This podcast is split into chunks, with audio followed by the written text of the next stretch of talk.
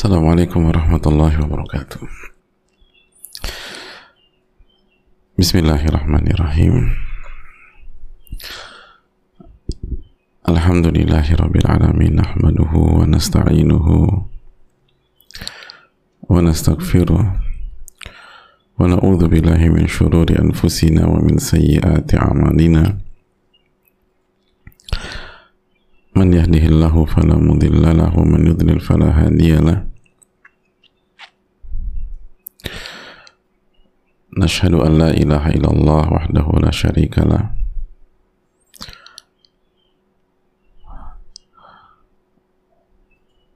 وأن محمدا عبده ورسوله لا نبي بعده ونصلي ونسلم على نبينا محمد وعلى آله وصحبه ومن سار على نهجه بإحسان إلى يوم الدين وبعد.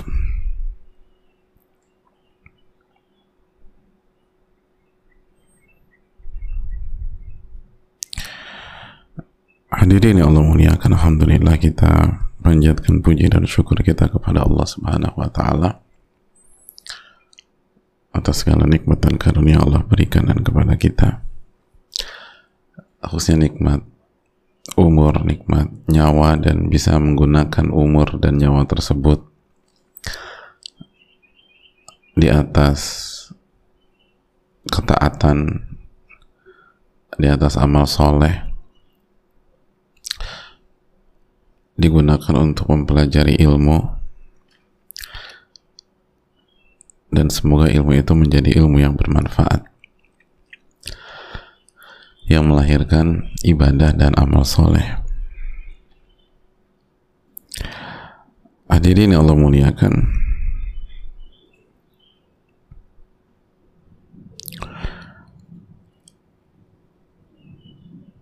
Itu yang harus kita syukuri karena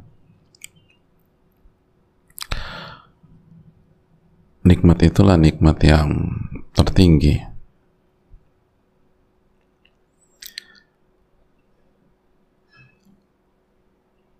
Ulama kita mengatakan bahwa ilmu yang bermanfaat itu akan melahirkan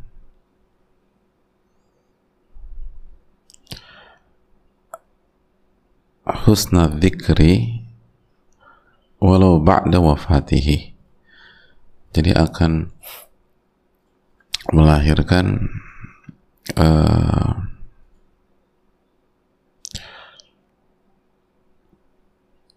hasan gitu loh uh,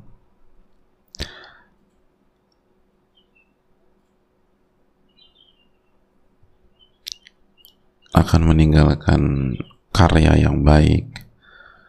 Lalu nama baik. Tapi bukan hanya sebatas nama baik tapi nama baik yang memberikan manfaat. Walaupun setelah dia telah wafat. Dan itulah kata para ulama hayatan abadiyah itulah hakikat dari hidup yang kekal di dunia. Yang tentu saja akan berakhir juga nantinya tapi itulah makna umur yang panjang gitu loh. Hidup yang panjang tuh itu. Jadi kalau kita mengandalkan umur normal kita ya jangan berharap banyak gitu loh mentok-mentok orang berapa sih? 100 tahun. Atau 100 lebih dikit lah. Dan itu satu dibanding jutaan orang. Umur umat Nabi SAW kan kata beliau antara 60-70 tahun. Apalagi kondisi saat ini. Tapi kalau kita punya ilmu yang bermanfaat itu walaupun jasad dan umur normalnya habis tapi umur kemanfaatannya atau umur uh, itu tadi umur manfaatnya jauh lebih lama. Contohnya simpelnya gini lah. Ada jutaan orang jutaan orang.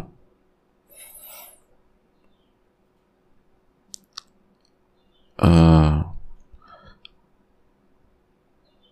hidupnya itu lebih dipengaruhi oleh Imam Syafi'i dengan segala ilmu Imam Syafi'i rahimahullah dibanding dipengaruhi oleh ayahnya sendiri gitu. padahal dia nggak hidup sama Imam Syafi'i rahimahullah dia hidup sama ayahnya gitu hadirin jadi uh, itu sih luar biasa ya. Itu ada jutaan orang bahkan miliaran mungkin lebih mendapatkan manfaat dari Imam Syafi'i rahimahullah dibanding mendapatkan manfaat dari ibunya sendiri. Tanpa mengecilkan para orang tua ya tapi ada banyak orang seperti itu loh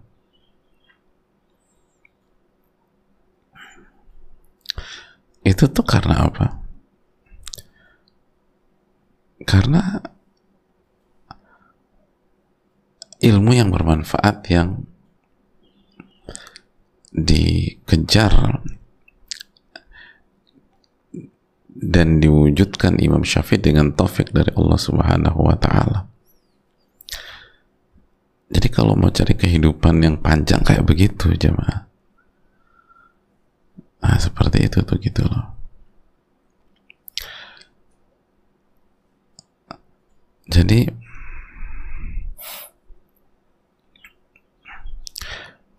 itu yang perlu kita tanamkan. Makanya contoh umurnya Imam Syafi'i itu berapa? Imam Syafi'i lahir tahun berapa? Tahun berapa mas? Langsung aja mas, 150 150 Hijriah. Wafatnya? 204 204 Hijriah. I iya emang antum berapa? Ya Allah masih ya Hijriah lah mas. Berarti berapa tuh umurnya beliau tuh? Hmm? Berapa umurnya Hah? 54 kan 54 tahun tapi kalau umur manfaat beliau itu berapa? Sekarang 1443 nih. Berarti 1293 tahun. 1293 tahun. Dan selama itu menginspirasi orang membuat orang ngerti gimana beribadah kepada Allah dengan taufik Allah buat jutaan orang ngerti sholat, ngerti puasa, ngerti zikir, ngerti usul fikih, bukan hanya orang ulama jadi ngerti usul fikih. Membuat orang terinspirasi untuk jadi orang yang ikhlas, itu kan luar biasa.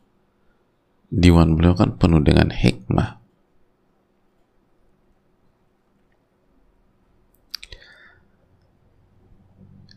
Siapa sih yang nggak mau punya umur 1263 tahun? Gitu jadi kalau mau umur panjang tuh di sini nih tempatnya nih hadir. Sampai hari ini berkata Imam Ash-Syafi'i rahimahullah. Kita belum bicara per tahun ada berapa banyak orang yang mendapatkan manfaat dari beliau. Kita baru bicara umurnya nih. Belum bicara per tahun.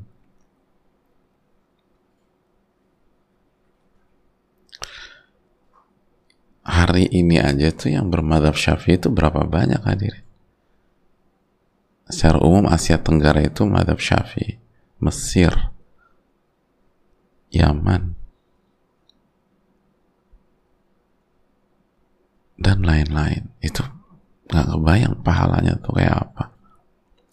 Rahimahullah. Rahmatan wasi'ah. Jadi kalau ingin cari umur yang panjang itu ya di sini tempatnya ilmu yang bermanfaat dan menjadi bagian dari ilmu. Dan mulai dari diri kita dulu. Allah taala alam jadi mari kita renungkan dan semangat dalam masalah ini. Hadirin Allah muliakan oleh karena itu bersyukurlah kepada Allah dan minta ilmu yang bermanfaat Lalu jaga syahadatin kita la ilaha illallah wa anna Muhammad Rasulullah dan perbanyak salawat dan salam kepada Nabi kita Muhammadin alaihi salatu wassalam.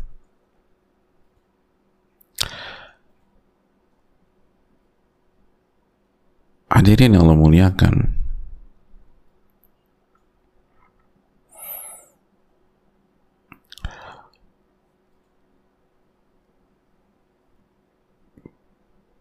kita masuk ke kitab Riyadus Salihin kembali. Bersama Al-Imam An-Nawawi rahimahullah. Semoga Allah merahmati beliau orang tua beliau dan semoga Allah merahmati seluruh kaum muslimin. Amin ya rabbal alamin. Dan masih dalam bab yang uh, sudah beberapa pertemuan bersama kita dan hadirin Allah muliakan. Uh, kita masuk ke surat An-Nahl ayat 125 Al-Imam An-Nawi rahimahullah semoga Allah merahmati beliau dan keluarga orang tua beliau menyampaikan waqala ta'ala. Dan Allah berfirman Allah ta'ala berfirman Udu'u ila sabili rabbika bil hikmah wal hasanah. An-Nahl ayat 125 sebagaimana biasa sering kali beliau tidak uh, membawakan satu ayat komplit karena yang beliau uh, tujuan beliau adalah inti dari ayat tersebut dalam konteks bab yang beliau sedang bahas. Dan karena ini bab uh, mengajak kepada kebaikan maka beliau bahas penggalan ini saja. Ud'u ila sabili rabbika bil hikmah wal mau'izatil hasanah. Ayat itu ada kelanjutan wajadilhum billati hiya ahsan.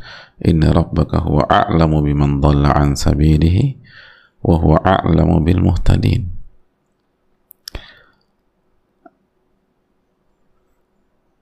Apa artinya? Udu'u ila sabili rabbika bil hikmah wal mau'izatil hasanah. Dan ajaklah ke jalan Rabbmu dengan hikmah dan dengan nasihat yang baik. Dan debatlah mereka atau bantahlah mereka dengan cara yang terbaik. Sesungguhnya Rabbmu dialah yang paling mengetahui siapa yang tersesat dan yang paling mengetahui siapa yang mendapatkan petunjuk. Hadirin yang Allah muliakan,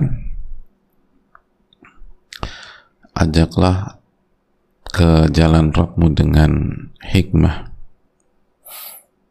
dan uh, nasihat yang baik, pelajaran yang baik.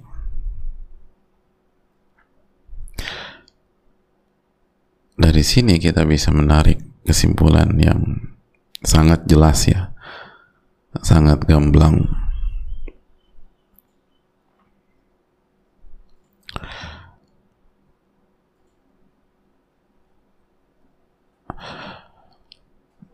Bahwa kita tuh diminta untuk hikmah dalam mengajak. Diminta hikmah dalam berdakwah.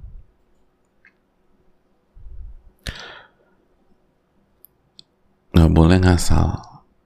Makanya kan kemarin kita bahas bahwa dakwah itu harus pakai ilmu. Ada kaidahnya, ada uh, rambu-rambunya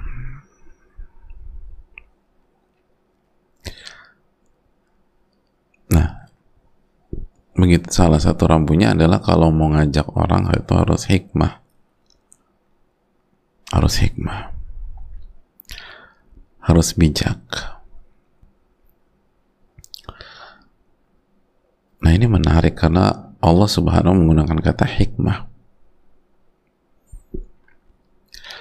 Apa sih arti hikmah? hikmah itu tuh pada dasarnya hadirin ya kita terjemahkan dengan bijaksana ya hikmah kita ini harus hikmah nih. Dia tuh penuh dengan kata-kata hikmah kata-kata bijak. Uh, tapi kalau mau lebih dalam lagi hikmah itu tuh artinya wad'u syai' fi mahallihi. Hikmah itu menempatkan sesuatu pada tempatnya itu hikmah. Menempatkan sesuatu pada tempatnya. Itu hikmah oleh karena itu tidak heran kalau kita baca tafsir Ibnu Kathir atau kita buka tafsir At-Tabari misalnya maka kita akan dapat kesimpulan bahwa dakwah dengan hikmah itu atau hikmahlah dalam mengajak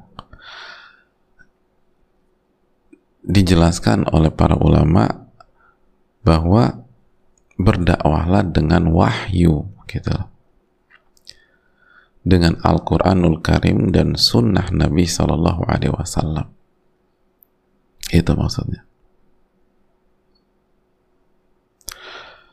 Kalau kita buka tafsir Ibnu Katsir maka kita akan mendapatkan keterangan wa huwa ma anzalahu alaihi minal kitab sunnah. Yaitu dengan apa yang Allah turunkan kepada Rasulullah SAW dari Al-Quran dan Sunnah. Gitu.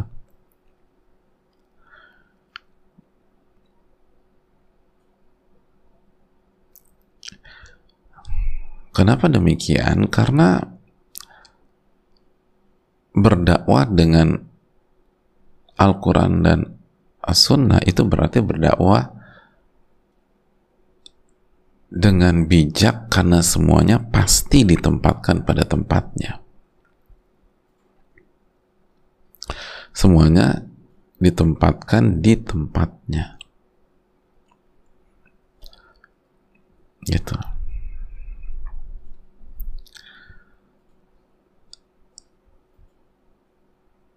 Karena kan itu tadi. Karena Al-Quran Sunnah diturun, Al-Quran diturunkan oleh ahkamul hakimin. Memutus yang paling bijak. Begitu juga dengan sunnah Nabi SAW.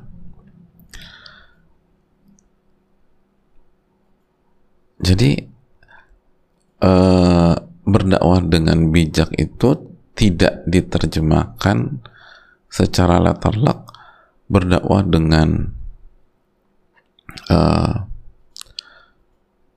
lembut terus gitu loh tanpa ada sisi ketegasan misalnya.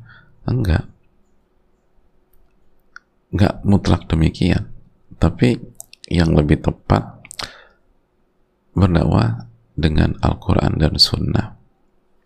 Sesuai dengan nanti penempatan masing-masing.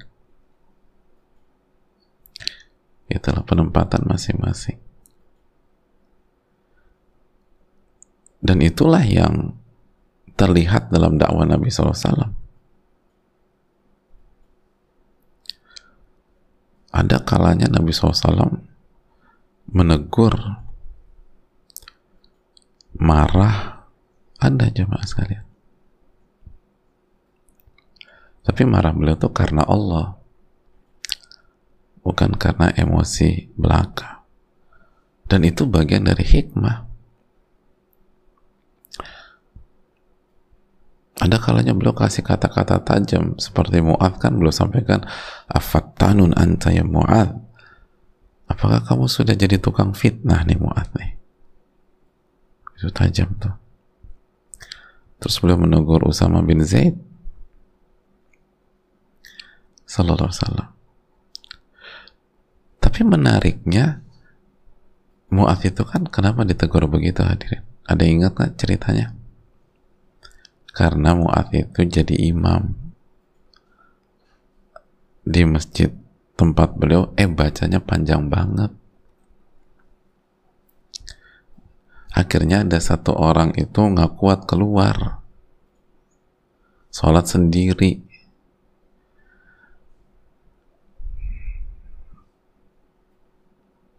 Jadi heboh deh gitu loh dan ada yang mengatakan yang keluar sendiri itu ini kayak munafik nih. Nggak terima nih orang lapor ke Nabi SAW saya bukan munafik ya.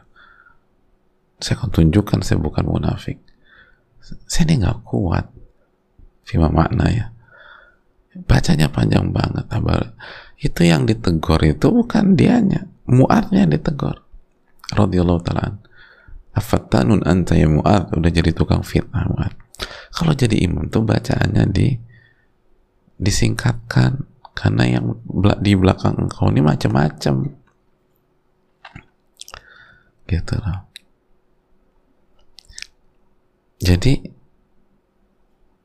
ditegur. Tapi yang menariknya hadirin kita tahu bagaimana pernah ada salah satu Arabi kalau diterjemahkan simpelnya Arab Badui yang pernah pipis di masjid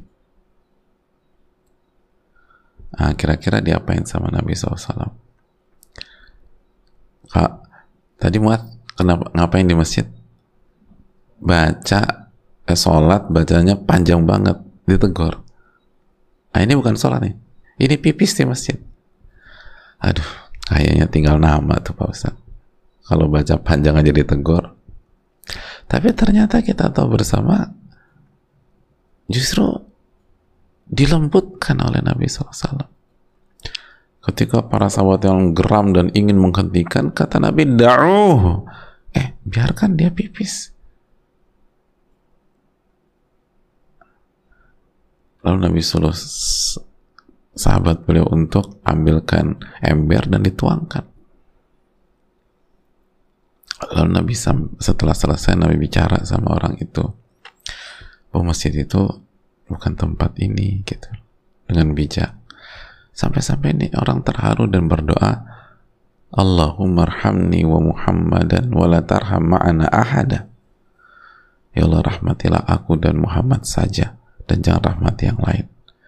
Yang lain galak-galak gitu kalau bahasa kita tuh. Yang baik cuma Nabi SAW ah, itu hikmah hadirin. Itu hikmah ada momen atau ada orang-orang yang memang kita harus tegur secara tajam. Tapi ada orang-orang nggak bisa. Maka jangan pernah pakai cara menegur secara tajam. Lemah lembut. Arab baru itu nggak bisa dia itu kan jadi itulah kekayaan sikap Nabi Shallallahu Alaihi Wasallam dalam mengajak orang itu ke jalan Allah Subhanahu Wa Taala gitu hadirin makanya kan hadirin Allah muliakan makanya kalau ingin jadi orang yang penuh dengan hikmah dan penuh dengan kebijaksanaan tipsnya apa? masih ingat nggak?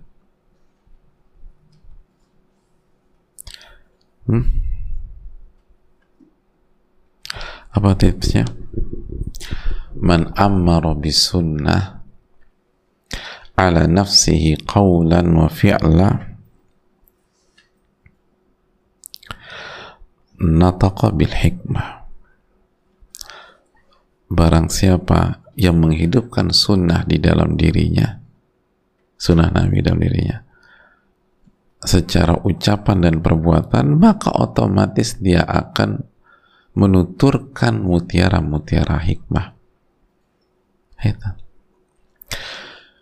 kan banyak aku pengen deh jadi orang bijak. Gimana sih jadi uh, orang yang penuh dengan hikmah? Udah simple aja. Pelajari sunnah nabi diamalin tuh. Maka otomatis anda jadi orang bijak. Jadi orang yang penuh dengan hikmah. Itu hadirin. Karena Nabi SAW adalah sosok yang paling penuh dengan hikmah. Jadi ketika kita menggunakan sunnah beliau itu hadirin, itu kita sama saja menjalani kehidupan dengan konsep manusia yang paling bijak. Ya otomatis kita jadi bijak juga.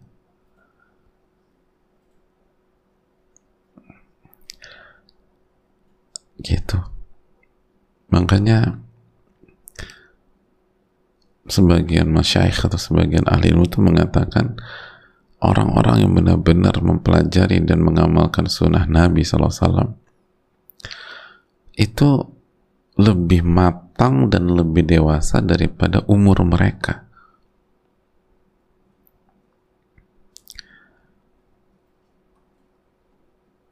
Gitu lah. Lebih matang dan lebih dewasa dibanding usia mereka. Jadi misalnya usia mereka 25 tahun nih tapi mereka benar-benar mempelajari dan diamalkan. Mempelajari diamalkan. Tentu saja nggak ada yang sempurna hadirin. Nggak ada yang sempurna. Tapi di usia 25 tahun terus mempelajari dan mengamalkan sunnah Nabi SAW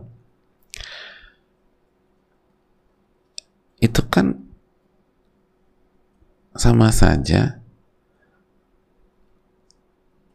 anak muda usia 25 tahun itu mengamalkan konsep hidup sosok 40 tahun ke atas 40 tahun 50 tahun. Karena Nabi kan dapat wahyunya 40 tahun sampai 63 ya wajar lah terlihat lebih dewasa. Itu baru dari segi umur belum sosok 40 50 tahun ini sampai 63 hidupnya itu dituntun oleh wahyu. Sosok ini mendapatkan wahyu Rasulullah SAW ya tambah-tambah deh hadirin. Ini anak nih baru 26 tahun tapi gesturnya cara dia bicara pemilihan artu, art, uh, pemilihan kata, artikulasi bahasa. Ini nggak kelihatan usia 25 tahun. Ini cocoknya 45 nih.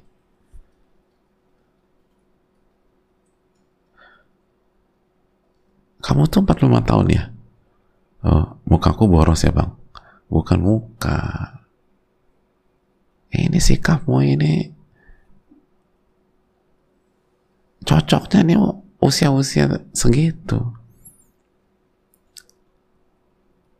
Kamu sering main sama orang tua ya? Enggak, gitu lah.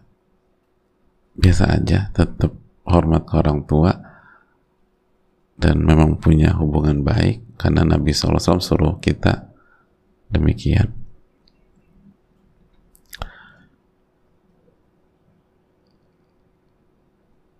Ya, saya cuman berusaha ngikutin aja sih dengan segala keterbatasan. Gitu hadirin. Jadi jadi hikmah. Jadi itulah hakikat dari mengajak dengan hikmah. Makanya hadirin Allah muliakan di antara para ulama menerangkan seperti Al-Imam As-Sa'di ketika menjelaskan ayat ini kata beliau kullu ahadin ala hasabi halih atau kulla ahadin kalau dia jadi maf'ul. Kulla ahadin ala hasabi halihi wa fahmihi wa qawlihi wa qiyadihi jadi berdakwah dengan bijak dan hikmah itu itu setiap orang tergantung kondisinya masing-masing. Tergantung tingkat pemahaman masing-masing tergantung ucapan dan komunikasi masing-masing dan kualitas ketaatannya masing-masing. Gitu. Jadi kalau kita mengajak apa mengajak dengan hikmah itu nggak pukul rata. Setiap orang tuh beda-beda. Ngadepin orang tua bahasanya beda ngadepin uh, anak muda bahasanya beda. Tapi sesuai dengan koridor tetap Al-Quran dan Sunnah. Ngadepin mahasiswa beda. Ngadepin ibu-ibu beda lagi bahasanya. Sesuai dengan pemahaman masing-masing. Itulah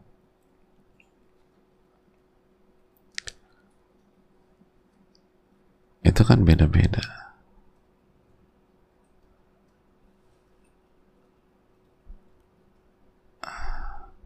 Itu beda-beda tuh.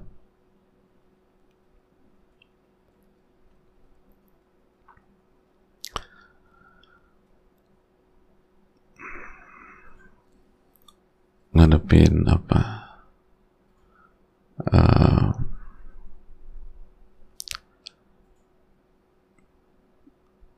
misalnya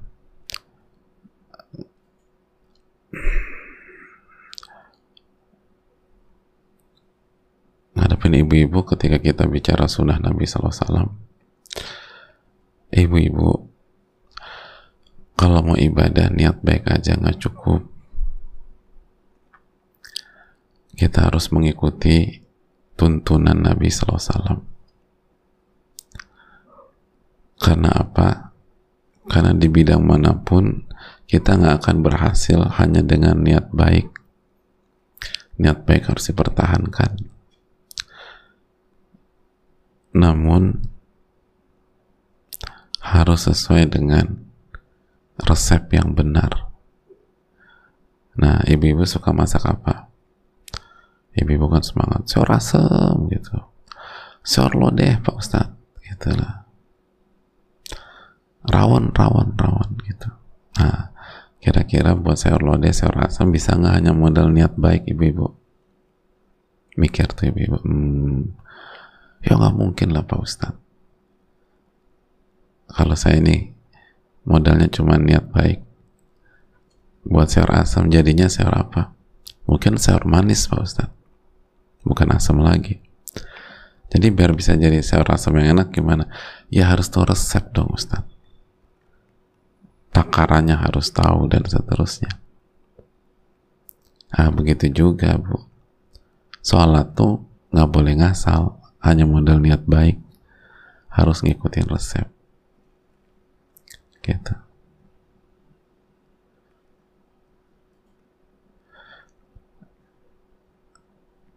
Ketemu dengan dakwah ke apa saudara-saudara misalnya ojek online. Gimana? Untuk ke sebuah alamat cukup nggak dengan niat baik? Enggak. Kita butuh apa? Ya kita butuh GPS kita butuh peta. Kita butuh uh, apa? Petunjuk jalan. Nah begitu juga bapak-bapak ke surga tuh nggak cukup dengan niat baik. Kita butuh guidance kita butuh GPS nah itulah Al-Quran dan Sunnah. Jadi semua tuh disesuaikan gitu loh hadirin.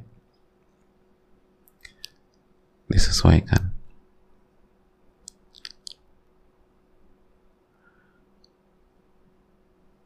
Itu contoh jadi jangan semuanya disamaratakan. Ketemu ini ada bahasanya masing-masing.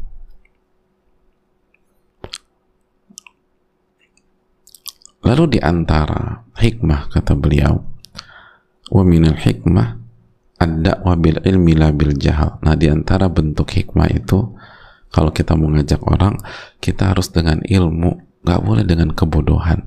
Harus pakai ilmu hadirin itu hikmah tadi makanya kan harus pakai wahyu. Nggak boleh hanya pakai pengalaman. Harus pakai Al-Quran dan Sunnah. Nggak boleh hanya dengan retorika. Walaupun retorika bagus ya. Nabi juga jago orator ulung ke Nabi SAW tapi harus pakai dalil. Wal bada abil aham fal aham. Ah ini. Dan memulai dari yang paling penting yang paling penting dulu paling penting penting dan seterusnya. Gitu loh. Tekankan masalah keimanan. Apa pun pintu masuknya tanamkan masalah iman. Masalah ma'rifatullah. Mengenal Allah. Tanamkan masalah tauhid hadirin. Itu penting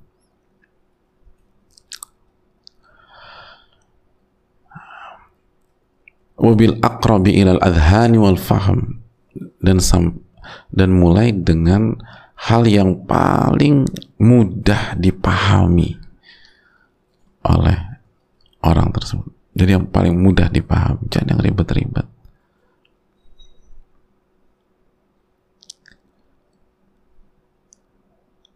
Jadi yang paling mudah dipahami. Tentu saja setiap orang ini beda-beda ya. Makanya hikmah itu tuh kompleks hadirin. Nggak bisa dipukul rata. Tapi itu mulai dengan hal-hal yang lebih mudah dipahami oleh orang. Oh gitu ya maksudnya. Ya saya ngerti. Makanya kadang-kadang kan itu ustadz ilmunya tinggi banget ya. Hebat ya mas. Iya. Kok kak, kamu bisa bilang ustadz tuh tinggi banget? Nggak ada yang paham aku apa yang dijelasin. Itu menunjukkan ilmunya tinggi banget. Oh begitu. Jangan Makanya bahasanya itu juga harus disesuaikan. Makanya dalam dalam bahasa Arab itu kan ada ilmu balago hadirin. Ilmu balago. Ilmu balago tuh intinya hadirin. Orang itu dikatakan jago berbahasa Arab. Kalau ini kan konteksnya bahasa Arab. Orang tuh jago dalam berbahasa. Jika bisa menggabungkan dua unsur. Tapi ini filosofi bahasa. Jadi walaupun ini untuk bahasa Arab terapkan juga dengan yang lain. Orang tuh kalau dikatakan jago berbahasa ini kalau menerap dalam pembicaraannya dalam dia bicara dalam dia menulis dan seterusnya itu bisa menerapkan dua unsur. Bisa menggabungkan menikah menikah menikahi menikahkan dua unsur. Yang pertama apa? Yang pertama kebenaran dalam berbahasa. Bahasanya benar. Bahasanya benar. Strukturnya benar. Kalau dalam bahasa Arab kan nahu sorofnya benar gitu loh.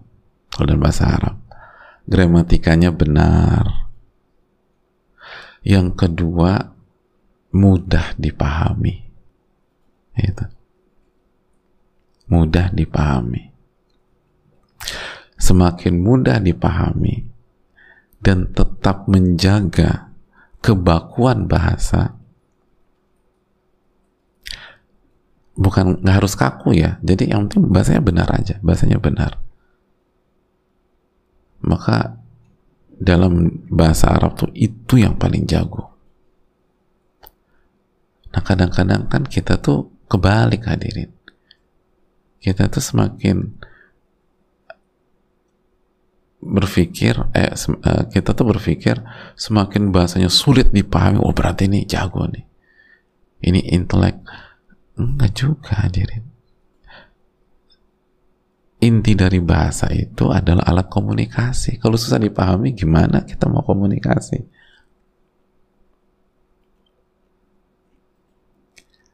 Gitu.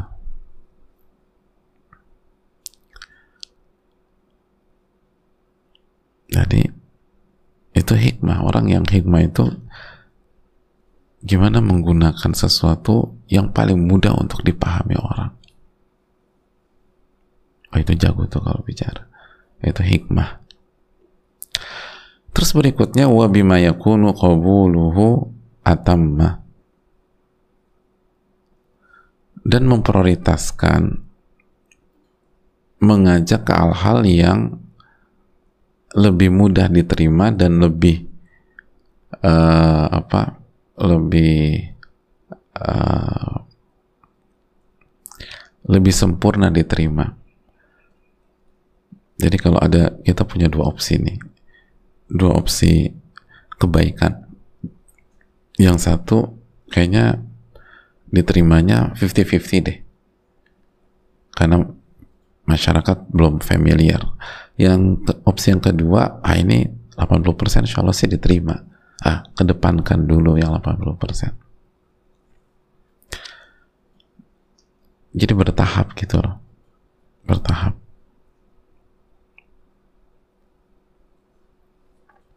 bertahap.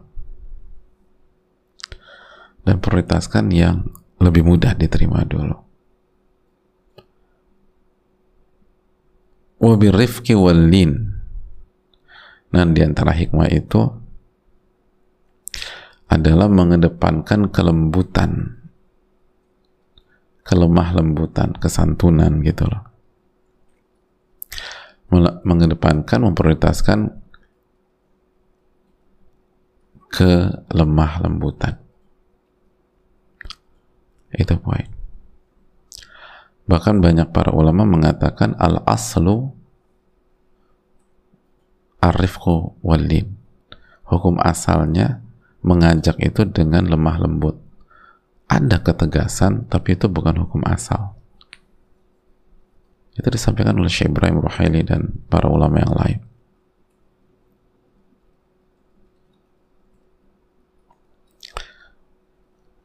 dan Nabi bilang maka narif kofisyain illa zana. Tidaklah kelemah lembutan itu berada di sebuah kondisi kecuali akan menghiasi kondisi tersebut. Wa manuzi'a an say an syai'in illa syana. Dan tidaklah kelemah lembutan itu dicabut dari sesuatu kondisi kecuali akan merusak kondisi itu. Jadi wa manuzi'a an syai'in illa syana. Kalau kelemah lembutan dicabut hukum asalnya akan merusak hukum asalnya akan merusak. Dan ini penting hadirin. Dan khususnya pada kondisi sekarang banyak orang masih belum tahu masih belum mengerti. Makanya salah satu nasihat penting. Ulama pada hari ini. Dan ini dinasihati oleh salah satu ulama terbaik di abad ini yaitu Syekh Abdul Aziz bin Baz rahimahullah kata beliau hadzal asru asr rifqi was sabri wal hikmah wa laysa asr shiddah uh, zaman ini asr ini zaman ini adalah zamannya lemah lembut. Zamannya banyak-banyak sabar. Dan zamannya penuh dengan hik harus dengan hikmah. Bukan zamannya kekerasan dalam berdakwah kata beliau beliau menyarankan. Annasu aktsaruhum fi karena banyak orang nggak ngerti. Fi ghaflati ithari dunia dan banyak orang yang tenggelam dalam kehidupan dunia. Maka menghadapi mayoritas yang seperti itu, itu harus banyak-banyak sabar. Fala buddha minas sabar harus banyak sabar kata beliau. Wala buddha minarifqi hatta tasila dakwah harus banyak-banyak lemah lembut agar dakwah itu sampai. Itu kata beliau. Jadi ini kaidah kalau mau ngajak ke depan karena kelemah lembutan kata para ulama. Karena ini zaman kelemah lembutan. Lagi-lagi bukan berarti uh, ketegasan atau sikap sebaliknya selama karena Allah. Lalu dengan perhitungan yang matang. Dan memang uh, dilakukan oleh ahlinya. Dan memang kondisi menuntut itu itu keluar dari hukum asal. Gitu. Jadi bisa jadi di satu dua itu dibutuhkan dan nggak usah jauh-jauh di dalam lingkungan keluarga deh. Ada satu dua kondisi di mana seorang ayah dan ibu tuh harus tegas dengan anak-anaknya. Tegas dengan anak-anaknya. Atau tidak menggunakan sifat uh, kelembutan di satu dua kejadian dan menggunakan cara sebaliknya. Tapi dalam rangka untuk mendidik anak. Dan itu perhitungan bukan karena emosi. Jadi uh, itu keluar dari hukum asal. Tapi hukum asalnya demikian. Hukum mayoritas sikap itu demikian. Dan itu nasihat dari beliau. Rahimahullah mungkin itu yang bisa disampaikan pada kesempatan kali ini. Semoga bermanfaat. Insya Allah kita akan lanjutkan lagi ayat ini di esok hari bismillah karena ini penting uh, hikmah dalam mengajak itu penting sekali hadirin. Dan kita masih jauh ya dari dari uh, ideal idealisme tersebut. Masih harus banyak belajar lagi masih harus banyak belajar bicara belajar menyampaikan dengan baik uh, belajar dalil juga karena hikmah itu kan intinya uh, menggunakan wahyu. Bukan sebatas menggunakan emosi amarah nafsu logika pengalaman dan lain-lain tapi menggunakan Al-Quranul Karim dan Sunnah Nabi Sallallahu Alaihi Wasallam dan keterangan para ulama-ulama kita yang lebih mengerti dalil dibanding kita tentu saja. Nah, lihatlah uh, bagaimana mereka berdakwah, bagaimana cara mereka berbicara, bagaimana mereka bertutur. Kan itu yang harus di harus terus kita pelajari. Harus terus kita uh, pelajari hadirin yang Allah muliakan. Allah taala alam uh, bisawab. Ya, saya rasa cukup sampai di sini. Jazakallahu khairan. Allahumma inna nas'aluka ilman nafi'an wa na'udzubika min ilmin la yanfa'. Rabbana taqabbal minna. Dan uh, sebelum kita tutup dengan doa kafaratul majelis, ingat bahwa kita berada di hari-hari di bulan haram, bulan haram yang terakhir di 10 eh di uh, bulan Al-Muharram. Dan bulan ini sekali lagi disunahkan memperbanyak puasa sunnah bagi yang mampu, yang bisa, yang kondisinya oke okay, sesuai dengan kemampuan masing-masing. Dan yang nggak mampu nggak bisa jangan melepaskan momentum. Kita bisa kasih makanan berbuka kita bisa uh, perbanyak sholat dan lain sebagainya dan manfaatkan baik-baik uh, momentum ini karena ini bulan haram ke terakhir dari tiga bulan yang datang berturut-turut Dzulqa'dah, Dzulhijjah, Al-Muharram. Kita baru ketemu lagi insya Allah masih agak lama di bulan Rajab. Jadi mumpung ada di hadapan kita maka uh, maksimalkan.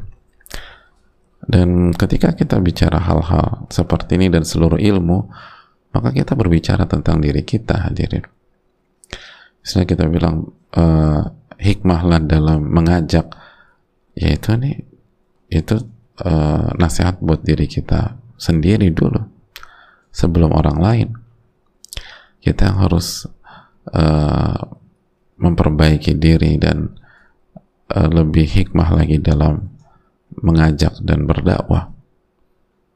Masih ingat ucapan Imam Malik kuntu ata'allamu li nafsi. Saya ini belajar untuk memperbaiki diri saya dulu. Karena banyak orang kata para ulama seperti dijelaskan Syekh Sulaiman Ruhaili orang tuh ada yang belajarnya tuh untuk nembakin ke teman dan saudaranya. Harusnya dia tembakan ke diri dia dulu nah ini kita ini harus pintar dalam menunjuk diri kita. Ya ya kayaknya kita ini belum hikmah. Dan memang pasti kita jauh dari kata hikmah hadirin. Tapi coba perbaiki diri perbaiki diri terus. Semoga Allah kasih taufik untuk memperbaiki diri kita dan menjaga seluruh uh, seluruh kaum muslimin. Dan semoga Allah merahmati seluruh kaum muslimin Subhanakallahumma wa la ilaha illa warahmatullahi wabarakatuh.